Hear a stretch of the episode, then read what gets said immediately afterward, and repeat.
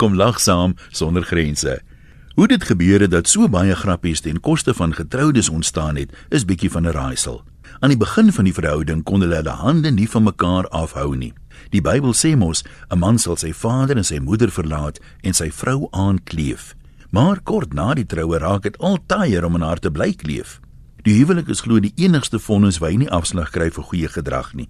Maar selde is dit 'n genoegsame afskrikmiddel. Toe 'n dame vir Winston Churchill wou vertel hoe 'n onwaardige eggenoot hy sou wees, sê sy glo: "As ek jou vrou was, sou ek gif in jou drankie gegooi het." Waarop hy toe doodluiters antwoord: "En as ek jou man was, sou ek dit dadelik gedrink het." Dis natuurlik nie net binne die huwelik waar meningsverskille tussen mans en vrouens voorkom nie. 'n Kunstige dame bied aan om 'n skildery te maak vir die inwyding van haar kerk se moederkamer. Dit sou 'n Bybelse tema hê. Maar toe die skildery onthul word, sit daar op die doek twee mans oop bek en lag in 'n kroeg, elkeen met 'n fris dubbeltjie in die hand. Die dominee vra die suster watter Bybelse tema die skildery dan sou voorstel. Dalk naaste liefde? Nee, dominee, verduidelik sy met stywe lippies. Hulle is besig om 'n loopdop te drink. Dit stel die ewigheid voor. Een van die ouderlinge maak beswaar en pleit vir groter begrip.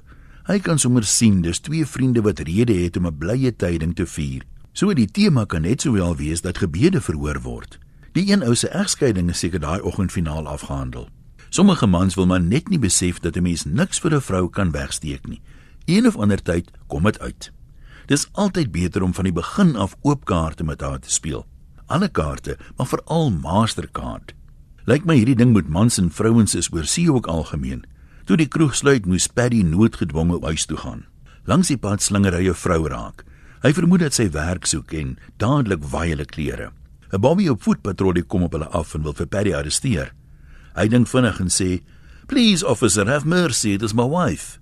Die polisieman vind dit tog mooi dat 'n getroude man en vrou van hulle jare mekaar nog so wil aankleef. I'm sorry, sir, say. I didn't realize it. Paddy kyk dankbaar op.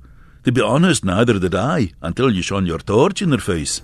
Wel, magtigheid tot oë voor môre. Lekker lag.